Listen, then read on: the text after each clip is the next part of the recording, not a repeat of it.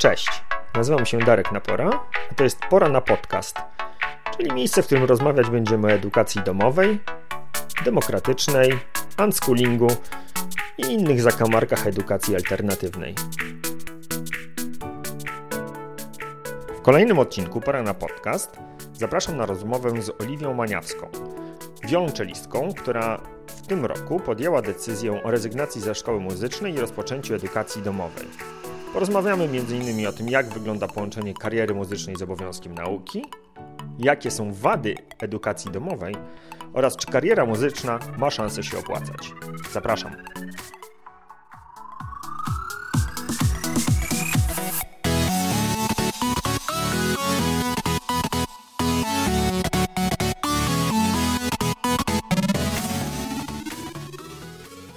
Pierwsze pytanie e, zadaję za każdej części tego podcastu takie samo e, i chciałbym, żeby to była taka tradycja moja podcastowa, więc tobie też je zadam. Co jest w tobie żywe? Chciałbym, żebyś powiedziała, co tam u ciebie się ciekawego teraz dzieje, co cię zrywa rano z łóżka, co nie daje w nocy usnąć. Generalnie mam teraz dużo więcej czasu niż miałam na granie, więc ostatnio bardzo dużo gram.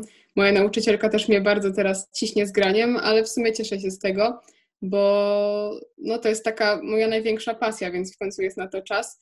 Bo na edukacji domowej jestem dopiero od tego roku, także to jest dla mnie taka nowość, że w końcu jest ten czas na granie, na jakieś zainteresowania. Y, wcześniej zupełnie na to nie było czasu, także cieszę się tym, że, że w końcu jest ten czas. Okej, okay, super. Y, zaczęłaś od tego roku, w sensie od tego roku szkolnego, tak? Tak, tak. Mhm. Okej, okay, to jest zupełnie świeża sprawa, tak? Dosłownie tak, tak. Okej, okay, dobra. To tego, e, tej, tej informacji jeszcze nie, nie udało mi się wykopać z odmentów internetu. No to teraz, jak już wiem, co, e, co u Ciebie w tej chwili, to gdybyś mogła o sobie dwa słowa powiedzieć dla tych pięciu osób, które jeszcze nie wiedzą, e, kim jesteś, ale z całą pewnością już niedługo będą wiedzieli, bo pewnie będziesz znana jak wszyscy diabli. Więc gdybyś mogła podsumować swoją dotychczasową karierę, Jestem wiolonczelistką, mam 16 lat. Do tej pory chodziłam do szkoły muzycznej. E, na wiolonczeli gram chyba 7 lat. W sumie nie liczyłam tego nigdy, ale zaczęłam trochę później, nie od pierwszej klasy podstawówki, bo wcześniej to było pianino. Jestem generalnie osobą, która ma bardzo dużo różnych zainteresowań i staram się jakoś realizować w każdym aspekcie i w każdej dziedzinie. I tak to chyba, to chyba tyle. Dobra, strasznie oględnie. Ja sobie pozwoliłem przeszukać e, Twój Instagram i tak, znalazłem tam informację o tej wiolonczeli. Przeczytałem, że jesteś miłośniczką kawy, aczkolwiek tutaj muszę Cię od razu na wstępie upomnieć, bo kawa pita z mlekiem to w ogóle nic nie ma wspólnego z kawą. Nie, no tak naprawdę to żartuję. W wieku 16 lat bycie smakoszem kawy to ma szansę Cię doprowadzić do nadkwasoty w wieku 30 lat. Przeczytałem też, że mm, jesteś aktywistką że tak. starasz się angażować e, w takie projekty, które są związane z ochroną środowiska naturalnego.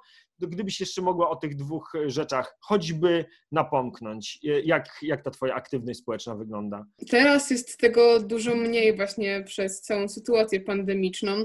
No bo po prostu nie ma tego za bardzo jak realizować, chociaż ostatnio się przekonałam, że jednak się da. E, patrząc na te wszystkie strajki. Jestem aktywistką klimatyczną, w sumie już teraz nie należę do żadnej jakby grupy. Kiedyś byłam w młodzieżowym strajku klimatycznym, bardziej od tej strony działałam organizacyjnej. No, to jest dla mnie naprawdę ważny aspekt i, i no co mam powiedzieć, no trochę się boję o to, co będzie w przyszłości, patrząc na te wszystkie liczby, patrząc na to, co mówią naukowcy i staram się po prostu robić tyle, ile mogę, żeby, żeby coś zmienić i, I, chyba dlatego właśnie stąd się wziął ten aktywizm, bo, bo siedząc i nic nie robiąc, nic nie osiągniemy. Mhm. No dobra, to pozwól, że teraz to podsumuję. Aktywizm, gra na wiolonczeli, no i bądź co bądź jesteś szesnastolatką, więc podlegasz jeszcze pod obowiązek nauki, więc w jakiś sposób e, musisz ten obowiązek spełniać. No i tutaj dochodzimy do do przyczyny naszego spotkania dzisiejszego, to znaczy do edukacji e, domowej, bo nie ukrywam, że to jest ten aspekt, który mnie jakoś najbardziej e, zafascynował, to znaczy połączenie tego obowią- spełniania obowiązku nauki, czy wcześniej w Twoim przypadku obowiązku e, szkolnego, z mm, grą na instrumencie. W Twoim przypadku to jest tak naprawdę w pełni profesjonalna, już gra na instrumencie, bo ty grasz w orkiestrze, ale czy to jest jakaś orkiestra zawodowa? Gdybyś mogła jeszcze o tym dwa mm, słowa. Tak, ja byłam w LIO, to jest młodzieżowa orkiestra. Byłam w jednej edycji, mm, bo to właśnie jest jakby, są organizowane takie edycje i w tym roku niestety się nie odbyła y, druga edycja właśnie przez, y, przez pandemię, mhm. więc i z tego powodu jest mi bardzo smutno, bo no, bardzo liczyłam na to. Poznałam tam wspaniałych ludzi i, i bardzo dużo się tam nauczyłam i od profesorów, nauczycieli i od rówieśników. Czy mogę powiedzieć, że to jest takie profesjonalne granie? No myślę, że, że tak, chociaż nie wiem, czy można tak powiedzieć, ucząc się jeszcze. Chociaż tak naprawdę uczymy się całe życie, więc staram się, żeby to moje granie było jak na najwyższym poziomie. Staram się jeździć na konkursy, na koncerty, angażować się po prostu w to granie, bo to mi sprawia wielką frajdę przede wszystkim i, to jest po prostu coś, co kocham robić. No dobra, a przepraszam, ja tobie wejdę w słowo, bo musisz wiedzieć, że ja o muzyce nie wiem absolutnie nic. Dla mnie to jest e, po prostu gdzieś między Harrym Potterem a jakimiś czarami, które, e, cudami, które się wydarzają w świecie I, i dla mnie to jest po prostu niepojęte, że można wydobywać takie synchronizowane dźwięki z instrumentu czy z siebie mm, i powstaje z tego muzyka. Więc będę ci zadawał sporo pytań, które i wydobywa się z tego muzyka. E, więc będę Ci być może zadawał trochę takich głupich, bardzo infantylnych pytań, ale mam nadzieję, że część osób, które nas będą słuchać, będzie na podobnym poziomie mm, edukacji muzycznej czy wiedzy o muzyce e, jak ja. Zatem, gdybyś mogła powiedzieć, jak Ty rozumiesz różnicę między profesjonalnym muzykiem, a kimś, kto gra, no nie wiem, amatorsko, czy, czy po prostu dla przyjemności? Nie ma jakiejś konkretnej granicy. To, to, to też nie chodzi o samą technikę gry i o to, kto na jakim jest etapie, że tak powiem, biegłości palców, czy no właśnie na jakim etapie jest z grą techniczną. Tylko tutaj raczej chodzi o taką dojrzałość emocjonalną, taką dojrzałość muzyczną, to, że się rozumie, co się gra, to, że się zna kompozytorów mm, epoki i dane cechy w epoce, to, że to jest po prostu taka pasja i ktoś to, widać, że ktoś to po prostu kocha, że jest całym muzyką, że gra całym sobą, że gra prosto z serca, że wręcz opowiada grając, że się po prostu rozumie, co on chce przekazać. I myślę, że to jest ta różnica między amatorem a takim profesjonalnym muzykiem, chociaż to jest moja taka mm, indywidualna opinia i jak słuchałem tego, co mówiłaś, to pojawiły się tam dla mnie dwie rzeczy. Z jednej strony mówisz o tym, że to musi być taka ekspresja, takie, że widać, że to po prostu z człowieka wychodzi ta, e, ta twórczość, a z drugiej strony mówiłaś o takich bardzo technicznych rzeczach, że musisz e, wiedzieć o, o tym, jak w tej epoce była postrzegana muzyka. Jezus Maria, jak to się akcentuje? Muzyka czy muzyka? Bo wychodzi mi za każdym razem muzyka, ale chyba to źle akcentuję. Ale muzyka. chyba tak się właśnie mówi. Mhm. Muzyka? Tak, chyba tak. Hmm, dobra, zaraz to sprawdzimy. No w każdym razie, pojawiły się tam te elementy takiej, wiesz, yy, radości yy, grania, ale z drugiej strony mówisz o tym, że, że to jednak się sprowadza w dużej mierze do tego, żeby mieć wiedzę o tym, kogo grasz, kiedy on tworzył i, i, i, i to, co mnie ciekawi, to na ile ten balans wiedzy jest i, i, i tej intuicji, czy tej, tej radości, czy, e, czy, czy takiego mm, po prostu wewnętrznej e, ekspresji, którą potrzebujesz z siebie wydobyć, e, da się opanować samodzielnie, a na ile to jest coś, co wymaga jednak treningu, szkolenia i kogoś, kto przyjdzie i ci pokaże palcem tu, tu i tu robisz coś tam źle. E, I pewnie domyślasz się, dokąd zmierzam z tym pytaniem, e, bo zdecydowałaś się na edukację domową, jeżeli chodzi o obowiązek szkolny, do którego za chwilę dojdziemy. Natomiast rozumiem, że w szkole muzycznej się uczysz i tam masz nauczycieli. Właśnie nie. Ja zrezygnowałam zupełnie ze szkoły. Okay. Ale ja mam o tyle jakby fajną sytuację, że moja pani profesor zgodziła się uczyć mnie na nauczaniu domowym. Po prostu została ze mną dalej. Teoretycznie jest możliwość uczenia się w szkole popołudniowej, bo ja chodziłam do szkoły ogólnokształcącej, do szkoły dziennej, gdzie miałam przedmioty ogólnokształcące i przedmioty muzyczne jakby w jednym budynku. Mhm. Mm, jest też szkoła, bo jestem z Wrocławia, jest taka szkoła we Wrocławiu yy, popołudniowa, czyli że można mieć edukację domową i chodzić do szkoły popołudniowej. ale w tej szkole byli tacy nauczyciele instrumentu, którzy osobiście mi nie odpowiadali. Nie mówię, że to są źli nauczyciele, absolutnie, tylko ja po prostu świetnie mi się pracuje z moją panią profesor i nie chciałam jej zostawiać. I wiem, że przy niej robię ogromne postępy i po prostu nie byłabym w stanie y, zmienić tego nauczyciela. I tak naprawdę ta edukacja domowa chodziła za mną od dawna, tylko ja się tego bałam. Bałam się, że właśnie stracę nauczycieli, że nie będę miała jak dalej grać i jak dalej się realizować y, właśnie w tym zakresie. Mm, I dlatego to była dla mnie taka ciężka decyzja. Ale myślę, że dla chcącego nic trudnego i trzeba troszeczkę posiedzieć nad tym, poszperać w internecie i tak dalej. Można znaleźć takie szkoły. Ja aktualnie jestem y, w takiej szkole Montessori Mountain School i tam są przedmioty muzyczne. Można normalnie zdawać przedmioty muzyczne, można się ich uczyć. To, są, to jest mniej więcej połowa, może nawet więcej przedmiotów muzycznych poza takim przedmiotem jak kształcenie słuchu. Y, to są wszystkie przedmioty. I normalnie można je zdawać na takim samym poziomie. Nawet w tej szkole są y, nauczyciele z mojej starej szkoły, także to nie jest żaden problem, tylko musiałam przeszukać połowę internetu, żeby się dowiedzieć, że jest taka możliwość w ogóle. Teoretycznie nie. Tyle rzeczy się pojawiło, muszę to zatrzymać. E, mhm. Więc raz jeszcze.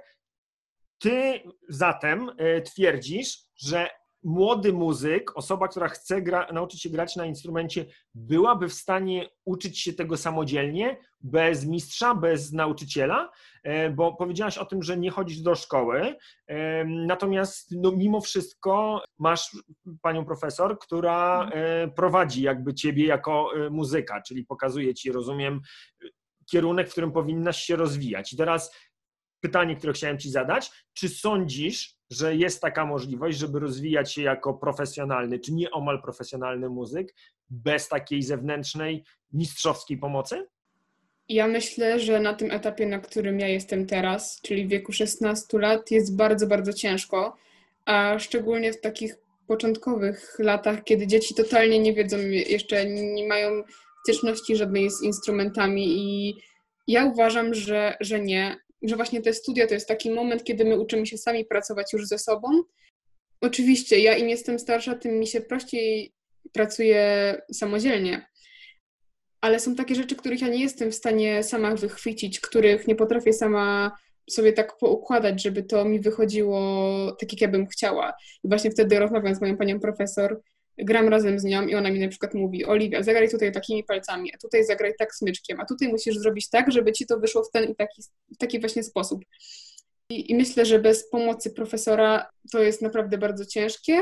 Można się rozwijać, ale myślę, że nie na takim poziomie.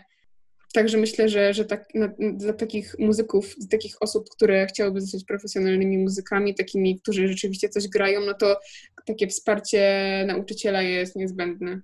Okej. Okay. No dobra, czyli y, tutaj jesteśmy na tej samej stronie, bo taka była moja intuicja. To nie była wiedza, mm, bo tak jak wspomniałem, niestety jej nie mam. Natomiast y, intuicja mi podpowiadała, że tutaj jednak bez tej maesterii czyjejś, kogoś, kto poprowadzi cię przez ten, przez ten proces choćby technicznej obsługi instrumentu, no to, to, to byłoby to bardzo trudne. Ale skoro już ogarnęliśmy tę kwestię muzyki i e, mamy, mamy ustalone, jak ten, e, jak ten proces wygląda, to chciałbym wrócić do tego momentu, kiedy zaczęłaś rozkminiać tą edukację domową. Powiedziałaś o niej, że, że to gdzieś tam już się zaczęło tobie w głowie kołatać, że może by tak. I pierwsze pytanie, które mam do ciebie związane z edukacją domową, brzmi następująco. Czy pamiętasz ten pierwszy moment, kiedy usłyszałaś o edukacji domowej mm, i, i jak w ogóle ta myśl zakiełkowała w twojej głowie?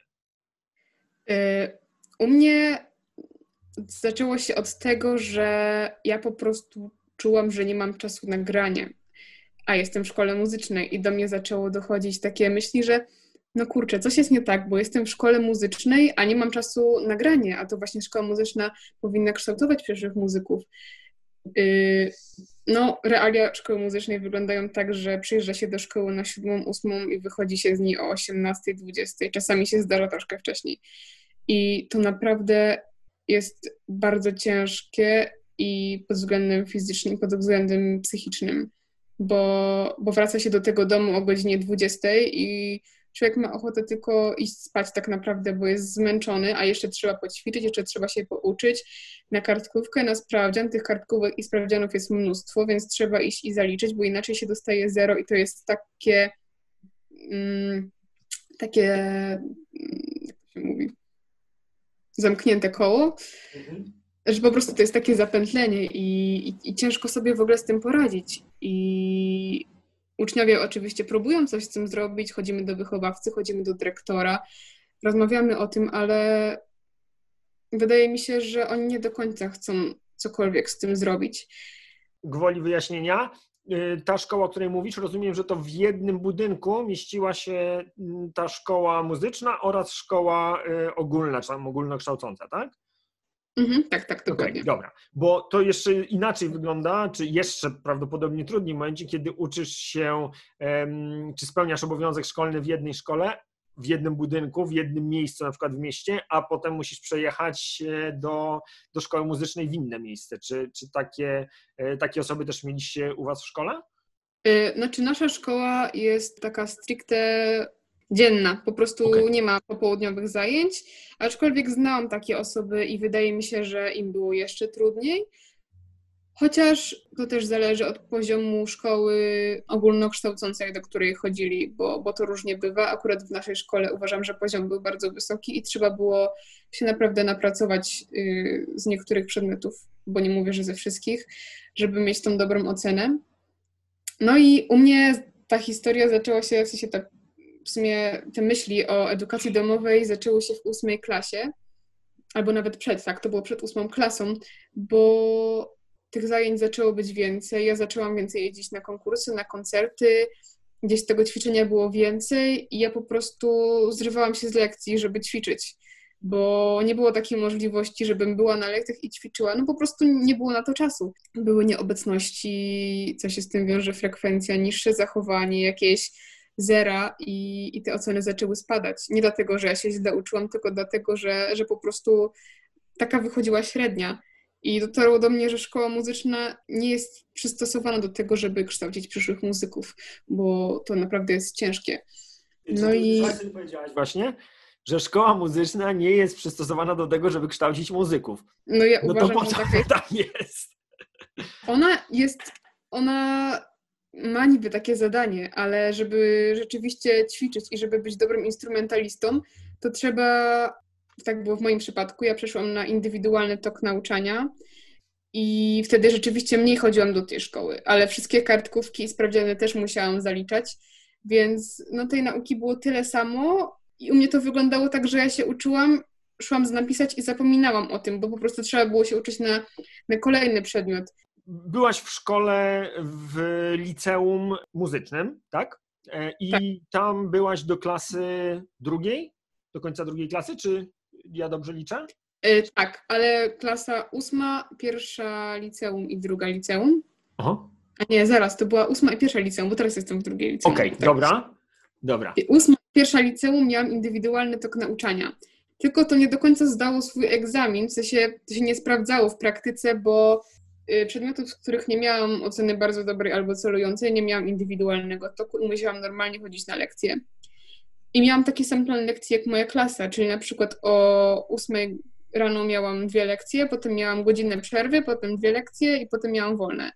No i na, to, na tą godzinę no to za bardzo nie miałam co ze sobą zrobić. No ewentualnie szłam ćwiczyć, ale zanim się wzięło ćwiczeniówkę, rozpakował się ten instrument, to ile to 25 minut, pół godziny.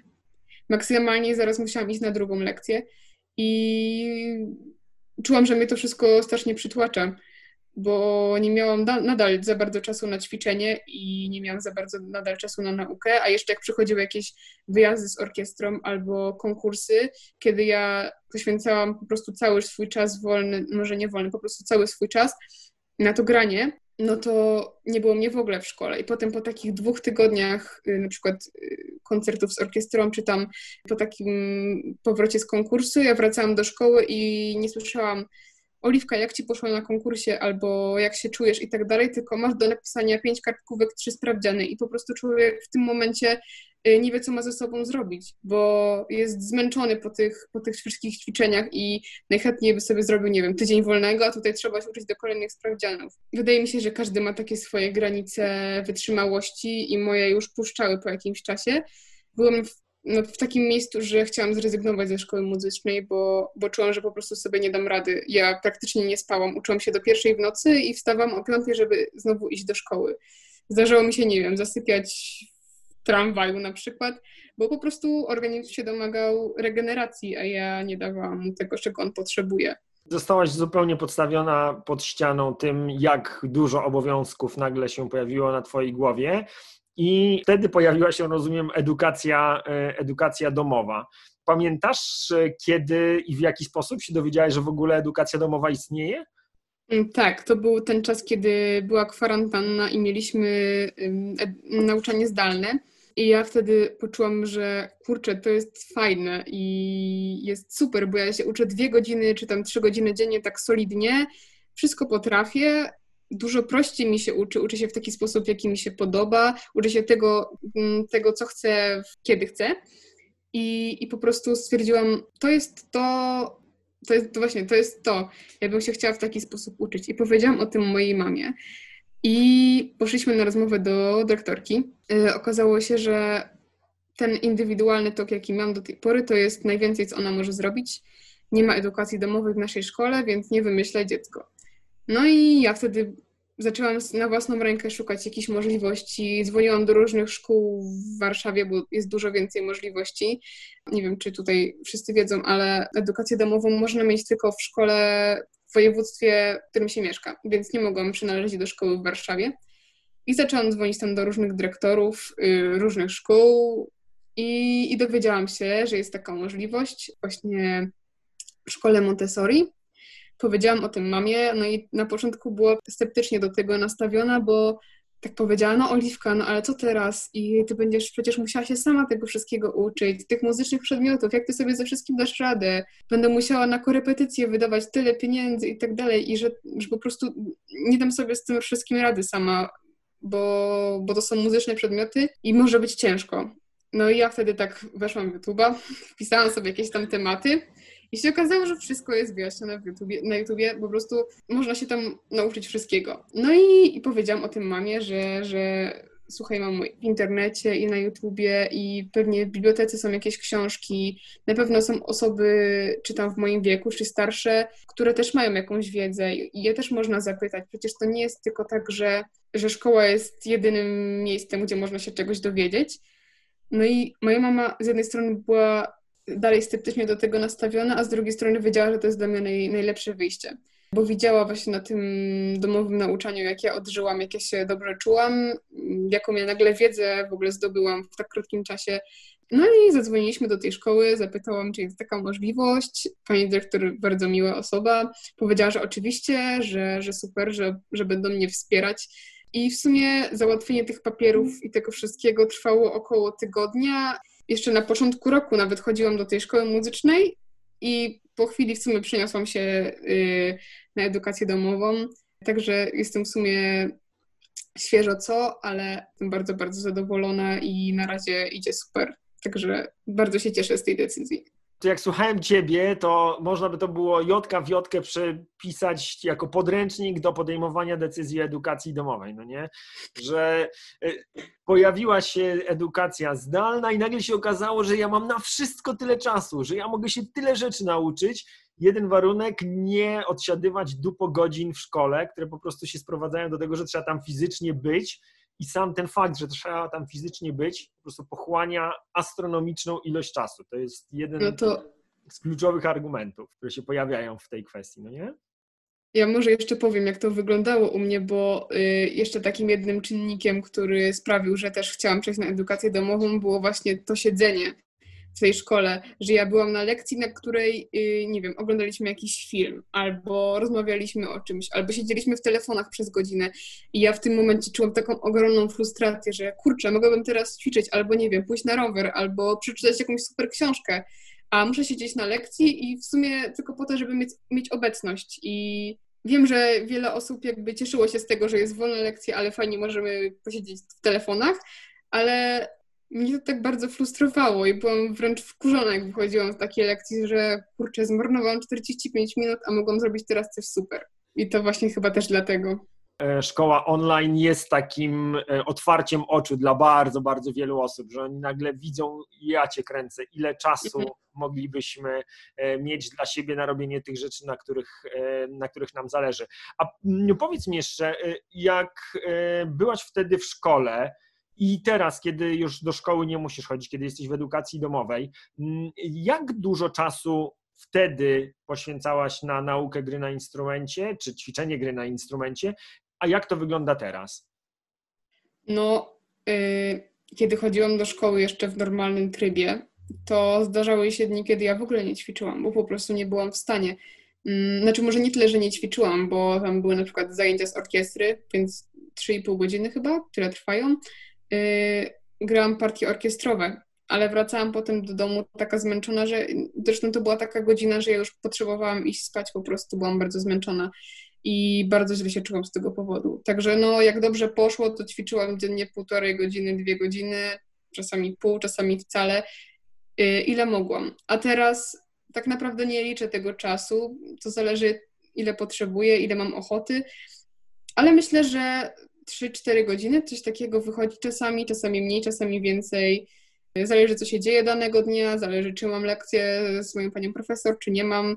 Po prostu ćwiczę tyle, ile czuję, że powinnam i tak, tak to chyba wygląda właśnie teraz. Bardzo fajnie. Teraz przeszliśmy do tematu, który przeraża większość rodziców. Osoby w edukacji domowej trochę mniej, a mianowicie kwestia organizacji tego czasu dnia. E, bo w momencie, kiedy chodzisz do szkoły, no to masz jakby ten plan dnia narzucony. Tak? Tutaj od tej do tej masz zajęcia, potem w Twoim przypadku szkoły muzycznej jakieś tam wplecione ten plan dnia zajęcia e, muzyczne. Natomiast tutaj stajesz przed 24 godzinami, 7 dniami w tygodniu, 365 dni w roku, co z tym całym czasem zrobić? Jak ty to sobie organizujesz? Bo powiedziałeś, że czasem 3, czasem 4, zależy jak mam ochotę. Jak to w twojej mm -hmm. sytuacji wygląda? Mm, znaczy przede wszystkim trzeba bardzo pilnować tego, żeby się nie rozleniwić, bo człowiek w domu to tak jak w weekendy mamy, że po prostu wstajemy sobie o 10, siedzimy do 12 w piżamie, jemy śniadanie o 13 i w sumie nic nie robimy. I ja bardzo nie chciałam do tego dopuścić. Po prostu zrobiłam sobie rozpiskę dnia, jak to mniej więcej u mnie wygląda, chociaż każdy dzień wygląda trochę inaczej, bo to też zależy na przykład, nie wiem, gdzie się uczę, czy, czy mam lekcję tego dnia, czy gdzieś wychodzę, ale mam taką zasadę, że wstaję codziennie o 7 rano, czy tam o 7.30 najpóźniej i później nie, bo wiem po prostu, że to się skończy źle i że nic nie zrobię tego dnia. Mm, mam mniej więcej rozpisane, którego dnia, czego się uczę i ile. Ja się uczę blokami, czyli że uczę się mniej więcej trzech, dwóch przedmiotów w ciągu miesiąca i potem to, to zaliczam. Także tak to u mnie wygląda. Uczę się mniej więcej 2-3 godziny dziennie. Robię w tym czasie, nie wiem, jeden dział, których jest może 7 w podręczniku, także uważam, że to i tak idzie dużo, dużo szybciej niż w normalnej szkole, bo tam jest przewidziany jeden temat na jedną godzinę, u mnie na przykład w ciągu tych trzech godzin jest siedem tematów. I uczę się troszeczkę inaczej, u mnie to nie wygląda tak, że ja siadam przed książką i wkuwam na pamięć, tylko robię sobie swoje notatki czasami z internetu, czasami z YouTube'a i po prostu tak, żeby mi było dobrze, tak, żebym ja się nauczyła to, tak po prostu pod siebie to wszystko robię. Mhm. Dobra, a powiedz mi, y, w ciągu dnia, mam na myśli każdy jeden dzień, czy to organizujesz sobie tak, jak to wyglądało w szkole, że masz jakby wiem, lekcje, że teraz y, tam, nie wiem, godzinka matmy, a potem godzinka polskiego, czy raczej to dzielisz na dni? Jak to wygląda? Mm, no to zależy też na co mam ochotę danego dnia, bo czasami mam ochotę się, nie wiem, pouczyć geografii cały dzień, bo mi się akurat chce a czasami mam ochotę na języki, więc na przykład, nie wiem, y, uruchamiam sobie y, jakiegoś YouTube'a po angielsku albo mm, rozmawiam z kimś ze znajomych po angielsku. Y, czasami mam ochotę na przykład, nie wiem, na, na wiele rzeczy jednego dnia, także sobie na przykład, nie wiem, siadam na pół godziny do tego, potem na półtorej do tego i do tego. No to, to wszystko zależy od, od dnia generalnie. Mam po prostu rozpisany program na przykład, nie wiem, na tydzień albo na miesiąc, różnie to wygląda i, chcę to zrealizować w danym czasie. Także tak to wygląda. Ale też jeszcze robię oprócz tego dużo rzeczy mm, poza programem nauczania, na przykład z polskiego piszę jakieś wiersze, artykuły i tak dalej i to, to nie jest w podstawie, ale robię to po prostu, bo mi to sprawia przyjemność.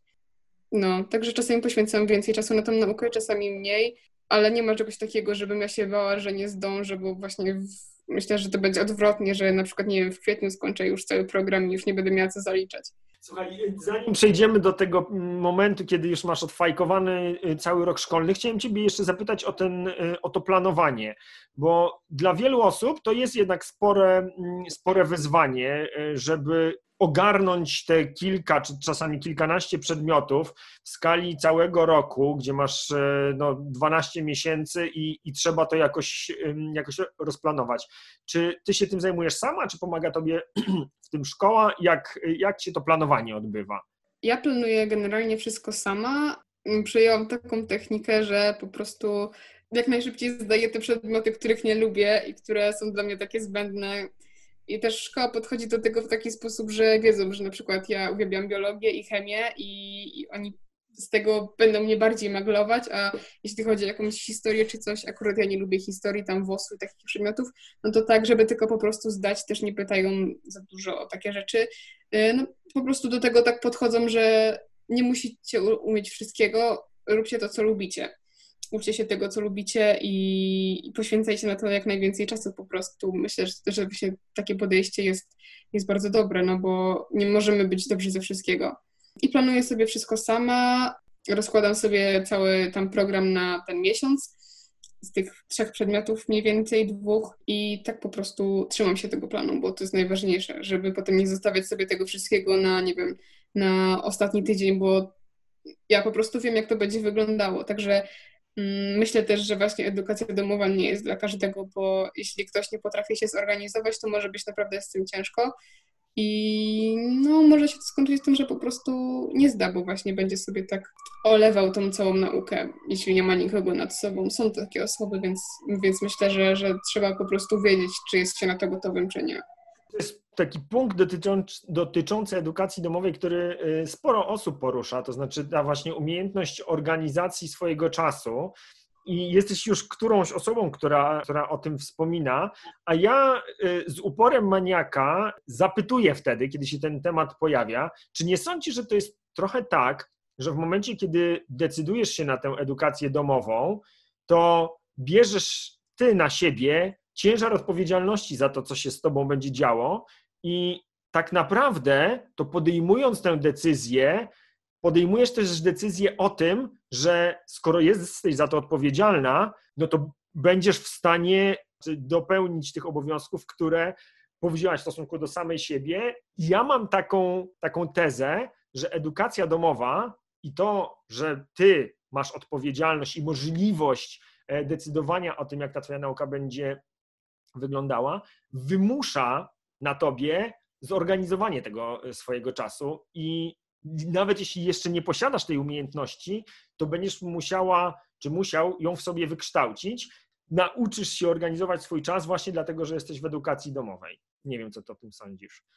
Mm, znaczy myślę, że są takie osoby, które właśnie dzięki przejściu na edukację domową nauczą się planować swój dzień, swój czas ale myślę, że są też takie osoby, nad którymi po prostu rodzice się mówią, słuchaj, naucz się geografii, dzisiaj nic nie zrobiłeś przez cały dzień i tak dalej.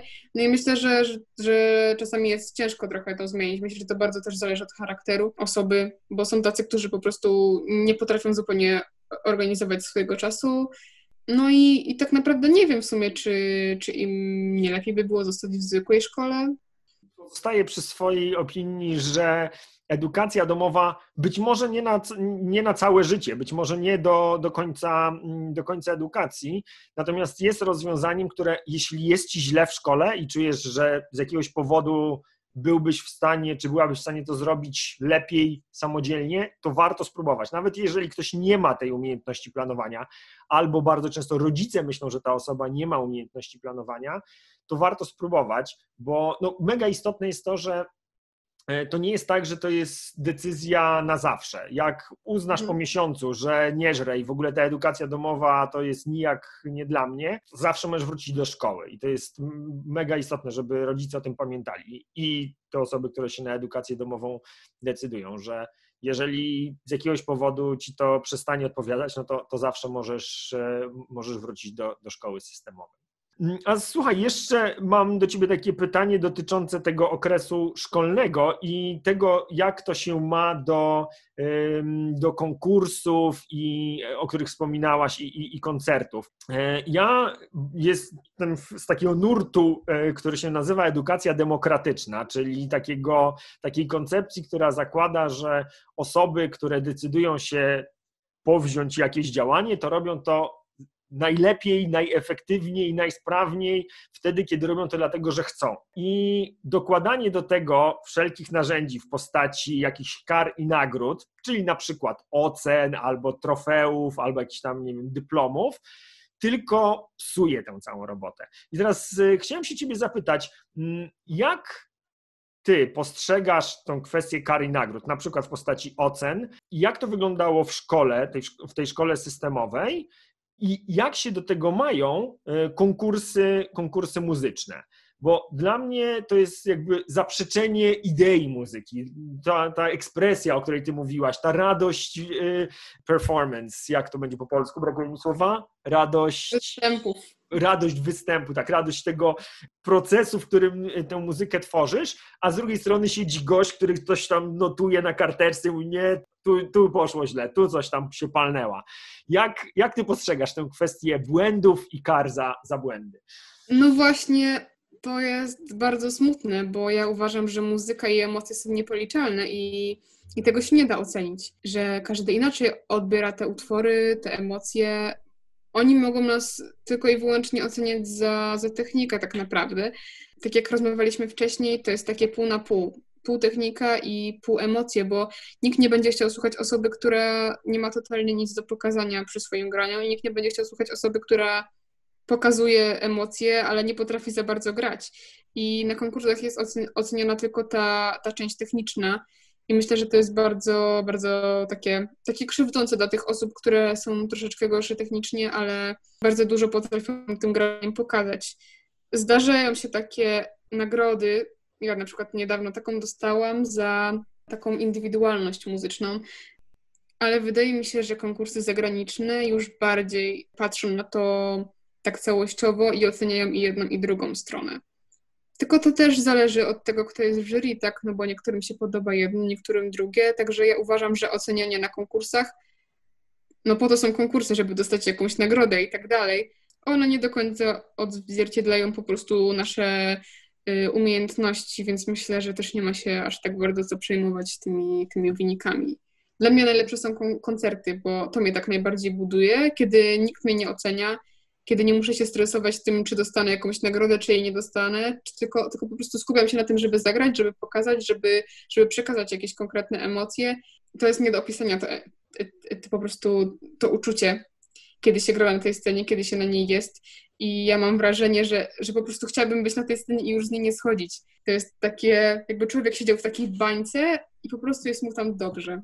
Żeby trafić na taki koncert, w jaki sposób się trafia na, na scenę podczas, podczas koncertu, w jaki sposób, e, nie wiem, to jest jakaś rekrutacja, czy, czy ty się zgłaszasz, żeby w koncercie wziąć udział, jak, w, w jaki sposób e, to następuje?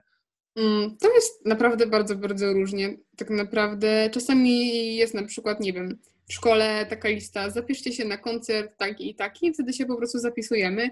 Czasami jest tak, że ktoś nas prosi, żebyśmy gdzieś zagrali, jakiś nauczyciel, czasami dostajemy jakieś listy, czy moglibyśmy zagrać tu i tam. Yy, czasami trzeba samemu napisać do jakiegoś miejsca, czy możemy zagrać koncert, wysłamy jakieś filmiki, nagrania. Yy, w Polsce jest tak niestety, że swoją karierę trzeba sobie samemu organizować i samemu sobie płacić za wszystko. Za konkursy, za dojazdy, za akompaniatora. I nie wszyscy sobie mogą na to pozwolić.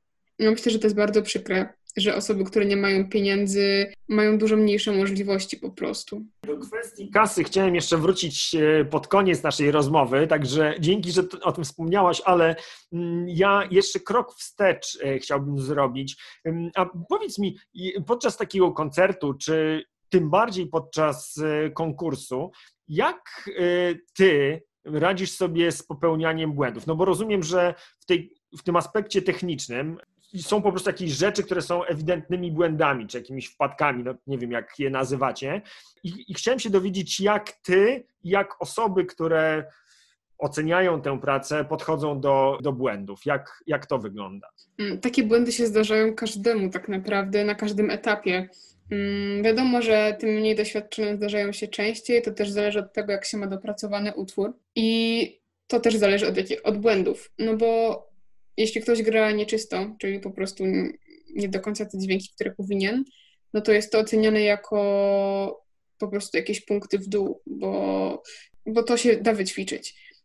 Ale jeśli ktoś się pomyli, jakoś tam potknie albo wejdzie za wcześnie czy coś, no to raczej nie obniżają za to punktów. To, to zależy bardzo od jury, ale mogę taką sytuację opowiedzieć. Był chłopak, który świetnie grał i, i naprawdę wszystkim się. Zagrał pierwszą część tam koncertu, bezbłędnie, po prostu i z emocjami, i technicznie, po prostu wszystko było super. I w drugiej części nie wiadomo, co się stało, nagle po prostu się czarna dziura. Nie wiedział, co ma dalej grać. I no, strasznie widać było, że się zestresował. Przeszli od razu do trzeciej części. Trzecią część też zagrał perfekcyjnie, po prostu pięknie. No i można to popatrzeć z dwóch stron. Z jednej, że zapomniał zupełnie części utworu i że tak nie może być, a z drugiej strony, że cała reszta była świetna. I chłopak dostał nagrodę Grand Prix, e, bo zagrał świetnie i nikt jakby nie popatrzył na to, że, że, że się tam machnął w jednej części. No, ale zdarza się też tak, że ktoś się, że tak powiem, wywali w trakcie grania, no i nie dostaje wtedy żadnej nagrody, mimo że resztę zagrał dobrze, no bo to zależy wszystko. Wszystko zależy od jury. Jak ty y, sama na siebie, na swoje własne błędy patrzysz? U mnie takim, taką rzeczą, z którą najbardziej walczę, jest pamięć, bo na większości konkursów trzeba grać z pamięci, a nie z nut. Ja to wszystko umiem na pamięć, ale jak przychodzi ten moment, kiedy ja jestem na scenie i zaczynam myśleć, bo kiedy ja nie myślę, tylko po prostu gram, to wszystko idzie super. Jak zaczynam myśleć, to zaczynam się mylić. No i to, to różnie, to zależy od tego, jaki błąd zrobiłam, bo jak tam jedna nutka pójdzie nie tak, no to, to mówię sobie, dobra, trudno, gram dalej. Ale też w tym momencie, kiedy, kiedy się mylimy, kiedy zapominamy, co jest dalej, to po prostu nagle nas uderza taka wielka fala stresu i zaczynamy panikować. I myślę, że to jest najgorsze, co można zrobić, bo, bo po prostu potem leci już wszystko. Jak człowiek się stresuje, to, to zupełnie nie kontroluje tego, co robi. Zdarzały mi się takie konkursy, na których spaliłam utwór, na których mi nie poszło. No i tam przez pierwsze dwa, trzy dni po takim konkursie no, człowiek się nie czuje dobrze, jest zdenerwowany, bo się tak długo przygotowywał na to, zapłacił pieniądze za ten konkurs, przyjechał właśnie po to, żeby, żeby pokazać się, a tutaj nagle coś nie wychodzi. No ale trzeba sobie odpuszczać w takich momentach. No zdarza się każdemu, nawet mistrzom, że spalą koncert, bo nie wiem, mają gorszy dzień, gorzej się czują. Staram się nie złościć po prostu na siebie za to, że coś mi nie wyszło, bo uczę się dalej. Mam przed sobą jeszcze bardzo dużo różnych koncertów i konkursów. Przynajmniej mam nadzieję, że, że pandemia nie zniszczy tego totalnie. No i, i wiem po prostu, że, że, że taka jedna wpadka teraz nie zmieni zbyt dużo w mojej przyszłości. Znowu, retrospekcja do, do czasów szkolnych. A czy pamiętasz, jak postrzegałaś swoje takie wpadki? Nie wiem, pała z jakiejś kartkówki, czy mówiłaś o zerach w ogóle z czegoś tam? Czy, czy podobnie do tego podchodziłaś w szkole, czy też miałaś do tego tak wiele dystansu? I, I, na ile to się zmieniło teraz, kiedy jesteś w edukacji domowej? Czy masz jakieś e, refleksje na ten temat? Mm, mi przede wszystkim zależało na ocenach, dlatego że w tym moim indywidualnym toku musiałam mieć piątkę z przedmiotu, czy tam szóstkę, żeby, żeby mieć indywidualny tok. To nie wszyscy mogą wiedzieć, że indywidualny tok nauczania to jest taka formuła, która jest przygotowana dla wybitnie zdolnych uczniów i jeżeli ktoś chce korzystać z tego rozwiązania, czyli na przykład nie mieć obowiązku uczestniczenia w tych zajęciach, no to musi wykazać się tą, e, tą wybitnością. Aczkolwiek tajemnicą Policzynela jest to, e, że różne szkoły różnie do tej wybitności podchodzą i, i to, że akurat u ciebie to była piątka czy szóstka, to nie jest tak, że, że to we wszystkich szkołach wygląda jednakowo. Tak, tak, ale u nas w szkole akurat właśnie tak to wyglądało. Mhm. I dlatego mi tak bardzo zależało na tych ocenach. I to nie było tak, że ja byłam złą uczennicą, że się źle uczyłam. Chyba nie zdarzyło mi się dostać z jedynki z niczego, albo może tam parę razy z matmy akurat. No, ale, ale tak to nie, właśnie te, te zera mi bardzo obniżały średnią, no i, i to było bardzo przykre, bo wychodziła mi średnia 5 na przykład, ale dostałam 2 zera, bo mi nie było w szkole i już nie zdążyłam tego poprawić, bo można pisać sprawdziany do dwóch tygodni, a jak mnie nie ma dwa tygodnie, znaczy tam akurat u nas można było dwa tygodnie po powrocie do szkoły. No ale jak tych sprawdzianów było po powrocie do szkoły do napisania 7, no to nie zawsze byłam w stanie napisać wszystko, albo właśnie pisałam na tą dwójkę, żeby tylko zdać, nie ucząc się na to wcale, bo po prostu nie miałam na to czasu. I byłam na siebie bardzo zła, bo wiedziałam, jakie to może mieć skutki w przyszłości, że po prostu nie dostanę tego indywidualnego toku, że będę musiała chodzić do szkoły, te lekcje, potem nie będzie czasu ćwiczyć znowu, Także te oceny akurat bardzo, bardzo wpływały na to, jak się czuję w danym momencie. To, co udało Ci się wypracować, czyli dystans do ocen e, w muzyce, no było bardzo trudno ze względu na logistykę szkoły i na to, jak ona jest zorganizowana, wy, wykrzesać z siebie w szkole. Tak, to też oczywiście e, klasyczna, klasyczna sytuacja. Kilka odcinków temu gadałem z tenisistką, która była w dokładnie analogicznej sytuacji. To znaczy, ona potrafiła świetnie zapanować nad swoimi emocjami i tą presją podczas zawodów, natomiast w momencie, kiedy trafiała do szkoły, to, to po prostu ją stres i to poczucie takiego wiecznie niedokończonego, wiecznie niedopracowanego procesu, takiej spirali, której się nie da nadążyć za tym wszystkim, co się dzieje w szkole i to ją, to ją strasznie, e, strasznie gnębiło. No. Też jest teraz w edukacji domowej.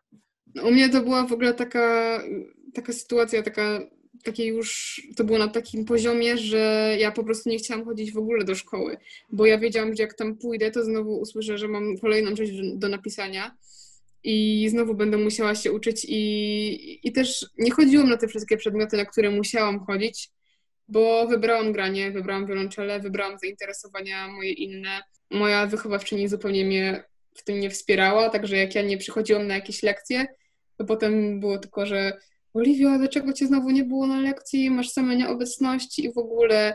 I to zupełnie nie potrafiła zrozumieć tego, że ja mam troszeczkę inne podejście do tego.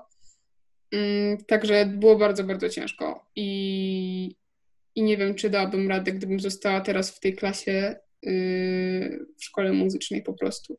Wymalowaliśmy już po prostu w różowych kolorach mm, laurkę edukacji domowej. A powiedz mi, czy, czy są jakieś trudne rzeczy, które, których się nie spodziewałaś, kiedy zaczynałaś edukację domową? Czy jest coś, co Ciebie zaskoczyło w negatywny sposób? W negatywny sposób może a, są takie rzeczy. Jest jedna taka rzecz. To jest troszeczkę brak kontaktu z językiem w sumie. To jest chyba taki jedyny minus, bo, bo trzeba sobie.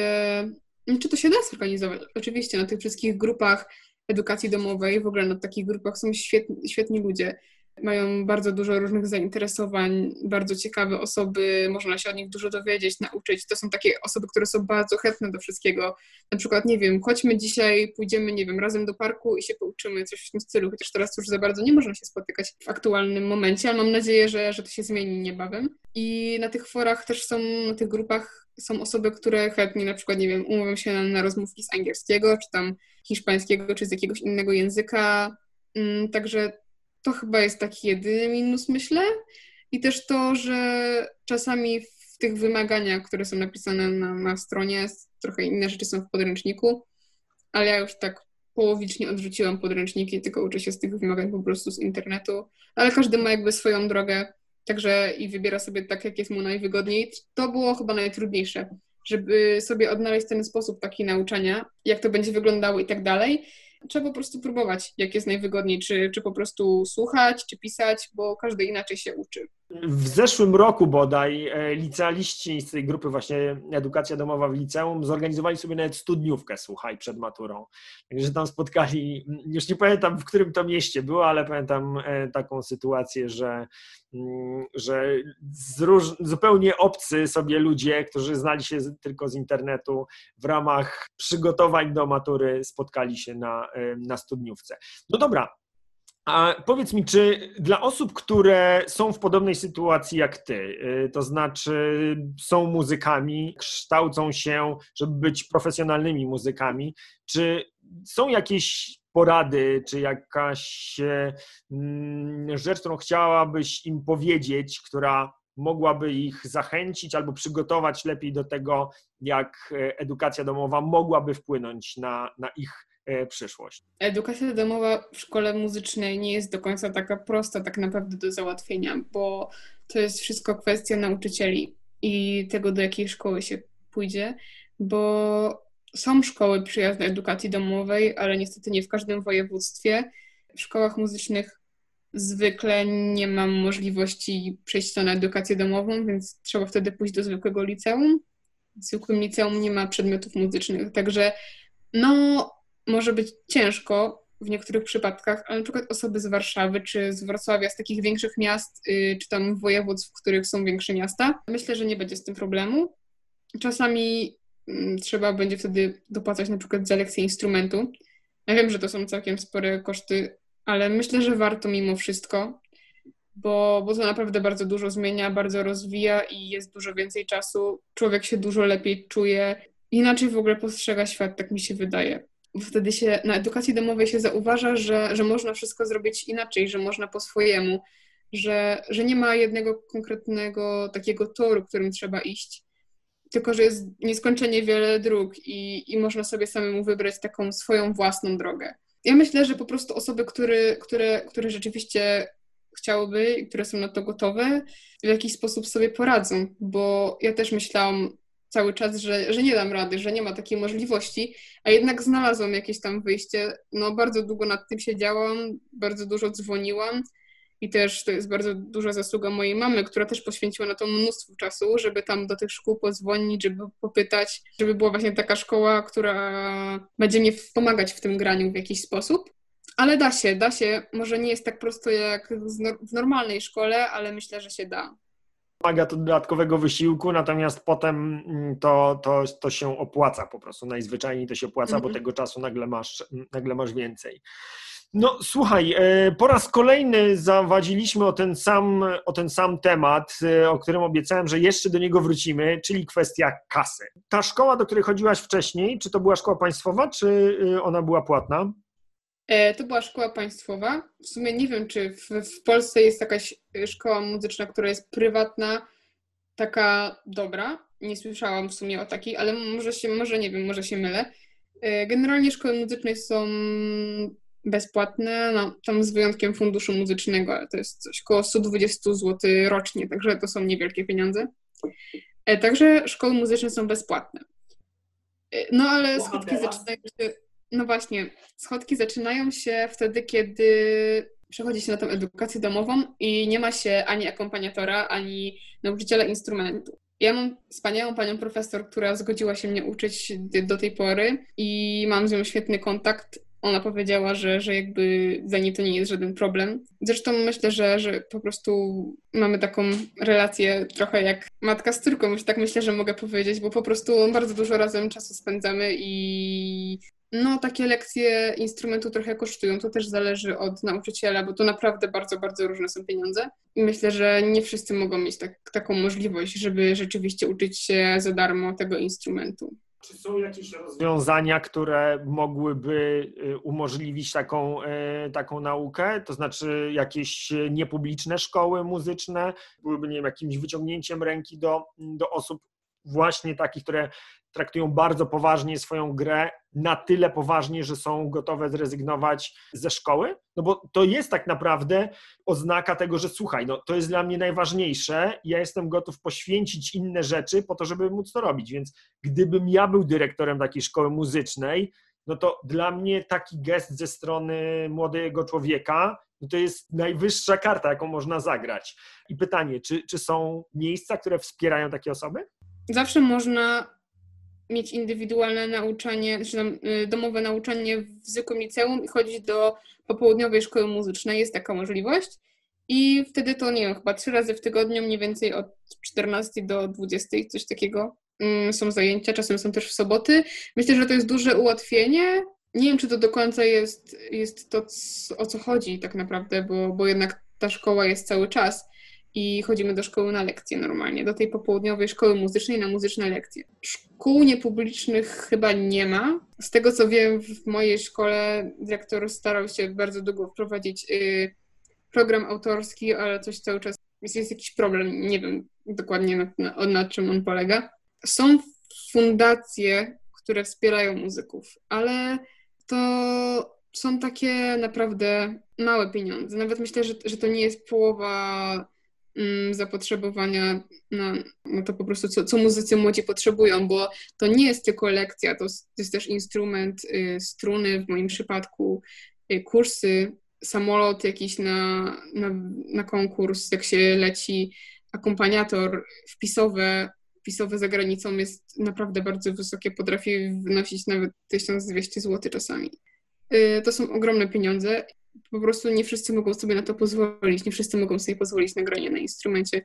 Można wypożyczać instrumenty z wypożyczalni i tak dalej w szkołach muzycznych, no ale te instrumenty są bardzo słabej jakości, zwykle, nie mówię, że wszystkie. I fajnie mieć swój instrument też dopasowany pod siebie, jak już chce się grać tak profesjonalnie. Także jeżeli tych pieniędzy rzeczywiście nie ma, to może być problem. Można szukać w różnych fundacjach, można pisać do różnych fundacji, ale to też nie jest tak, że one są na zawsze, tylko na przykład na rok albo na jakiś tam dany okres czasu i potem trzeba znowu próbować. Czyli w momencie, kiedy młoda osoba zdecydowałaby się, że będzie spełniać obowiązek nauki E, w edukacji domowej, a to mogłaby wtedy mimo wszystko chodzić do takiej popołudniowej szkoły muzycznej, tak? I wówczas e, miałaby dostęp do, do tych samych nauczycieli, którzy uczyli ciebie. No w twojej akurat szkole nie, bo ona tylko jest dzienna, natomiast są takie szkoły, które mają też ten, tę formę popołudniową, tak? Tak, tak. Okej, okay, dobra. A jeżeli chodzi o ten udział w koncertach i konkursach, czy to jest coś, w czym szkoła partycypuje? To muzycy pokrywają z własnej kieszeni?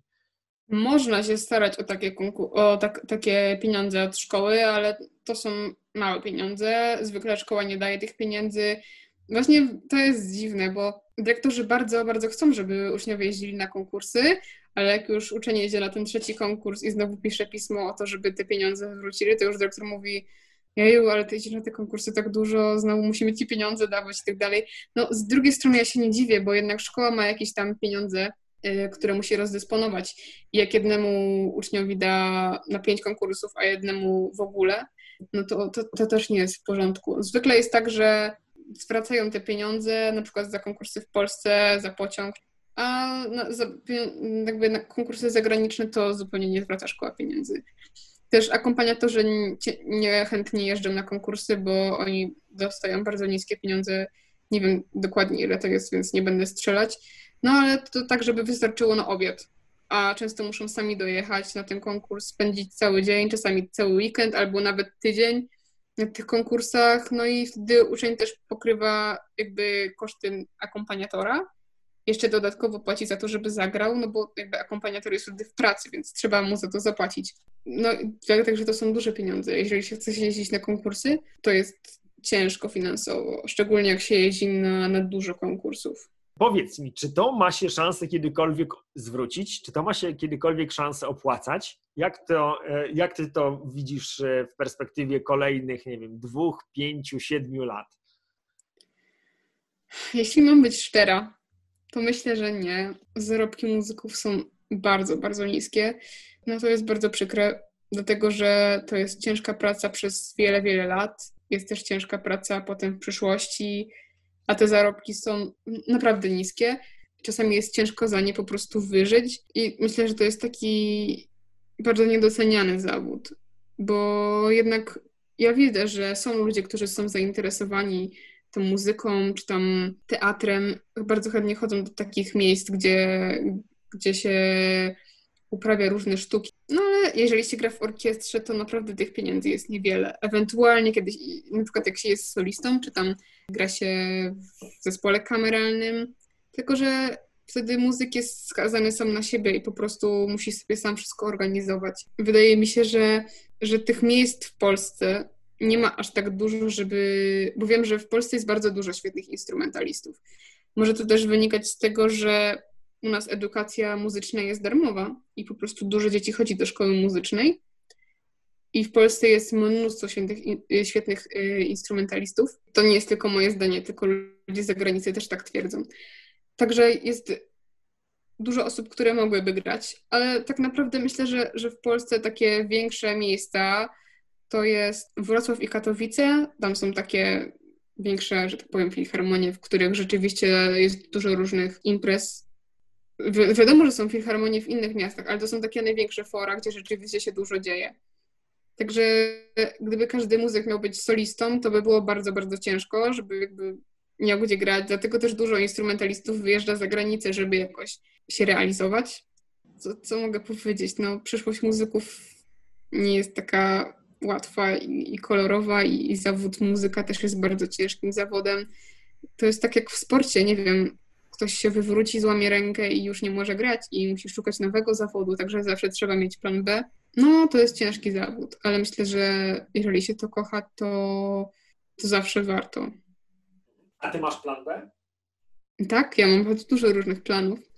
mam bardzo dużo zainteresowań i staram się realizować właśnie w każdym z nich, mimo że wiolonczela, muzyka to jest taka moja największa pasja. No to jest to, co ja bym chciała najbardziej robić, ale ja nie zamykam się tylko na to. Mogę robić na przykład kilka rzeczy naraz. Dla mnie ważne jest po prostu to, żeby grać i żeby przekazywać to ludziom. I to nie musi być mój jakiś super, tylko jedyny zawód, z którego mam największe pieniądze, tylko po prostu chciałabym mieć możliwość grania dla ludzi. To jest dla mnie najważniejsze. Bardzo, bardzo, bardzo jestem Tobie wdzięczny za tą e, rozmowę. Opowiedziałaś o kilku zakamarkach e, tej edukacji muzycznej, których e, nie miałem zielonego pojęcia. A powiedz mi, czy jest jeszcze jakaś rzecz, którą chciałabyś na koniec dodać dla młodych muzyków? Jakaś informacja, porada, słowo kończące naszą, naszą rozmowę? To ja może powiem tak. Ja wiem, że jest ciężko i że zdarzają się takie sytuacje, kiedy przychodzą myśli, że warto z tego zrezygnować. Może nie, że warto, tylko takie, te, takie myśli, że chyba muszę zrezygnować, bo nie daję sobie rady. I szkoła muzyczna myślę, że jest trudniejsza niż nie jeden zawód dorosłych ludzi. Ciężko jest przez nią przejść, ale jeśli to jest taka naprawdę pasja i rzecz, którą się kocha, to mimo wszystko warto. Właśnie może trzeba szukać troszeczkę alternatyw, w inny sposób się trochę uczyć. To nie jest tak, że jest jedna droga i trzeba nią iść, bo wszyscy inni nią idą, tylko jest ich naprawdę dużo i po prostu trzeba pomyśleć samemu, co jest dla nas najlepsze. Nie bać się zmian, warto szukać, rozmawiać z innymi i nie zamykać się tylko na, na jedną drogę, bo jest ich bardzo, bardzo dużo. Tak, to jest mega e, podsumowanie. Takie napisanie swojej własnej historii i potem idąc i e, realizując tą historię, czy opowiadając tę historię, sprawdzać, czy, czy nam to po prostu pasuje. I, jeżeli e, okazuje się, że coś nie działa, tak jak żeśmy sobie to na początku zaplanowali, to bez obaw, bez lęku i poczucia winy, to po prostu zmieniać i dopasowywać do siebie. To jest e, zdecydowanie to, o czym dla mnie jest edukacja domowa, mm, ale jak się okazuje, również kariera, e, kariera muzyczna. Słuchaj, raz jeszcze wielkie dzięki za, za to opowiadanie. E, kiedy kolejne egzaminy? Kiedy kolejne? Właściwie mam teraz niedługo, w listopadzie. Teraz, no, na, na dniach w sumie, w przyszłym tygodniu, mm, jeśli wszystko dobrze pójdzie bo mam zamiar zdać tam już parę przedmiotów, trzy chyba. Także no, teraz niedługo, ale w sumie się tym nie stresuję. Po, po tych stresach w szkole muzycznej to już jest taki pikuś, szczerze powiedziawszy. Aha, dobra. A jakieś kolejne konkursy teraz w tym covidowym czasie? Jak to, jak to się odbywa? No właśnie, teraz jest problem do tego, że nie ma konkursów stacjonarnych. Trzeba nagrywać nagrania i wysyłać, a też za bardzo nie ma gdzie nagrać nagrań, bo wszystko jest pozamykane no także jak na razie mam przerwę, ale ja się cieszę nawet, że jest taka przerwa, bo jest czas na to, żeby podszkolić trochę technikę, trochę pójść do góry. Mam nadzieję, że niedługo będą jakieś konkursy, koncerty, możliwości grania, bo bardzo, bardzo za tym tęsknię. No, mam nadzieję, że się wszystko jakoś poukłada, bo jednak no, w pracy muzyka, w zawodzie muzyka, czy tam no, w tym świecie jest bardzo ważne to, że bardzo ważni są inni ludzie po prostu. No i koncerty online nigdy nie odzwierciedlą tego, jak jest naprawdę tych wszystkich emocji i tak dalej, no bo jednak grać dla publiczności, a grać dla pustej sali to jest zupełnie coś innego. Raz jeszcze wielkie dzięki. Dziękuję bardzo za zaproszenie. No, bardzo się cieszę, że mogę o tym powiedzieć komuś, że może ktoś się zainspiruje tym, co mówiłam. Cieszę się bardzo. No tak, myślę, że młodzi muzycy, podobnie jak młodzi sportowcy, to jest, no edukacja domowa to jest dla was po prostu najbardziej logiczne tak, rozwiązanie. Tak, totalnie. Także mhm. mam nadzieję, że, że tą swoją opowiastką zachęcisz e, kilka osób. Super, dziękuję bardzo. Dzięki. Pa. Do widzenia.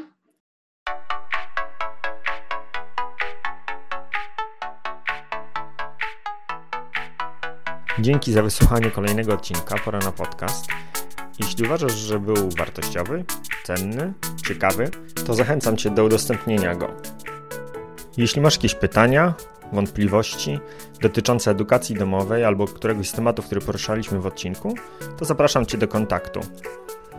Mój adres znajdziesz w opisie tego odcinka.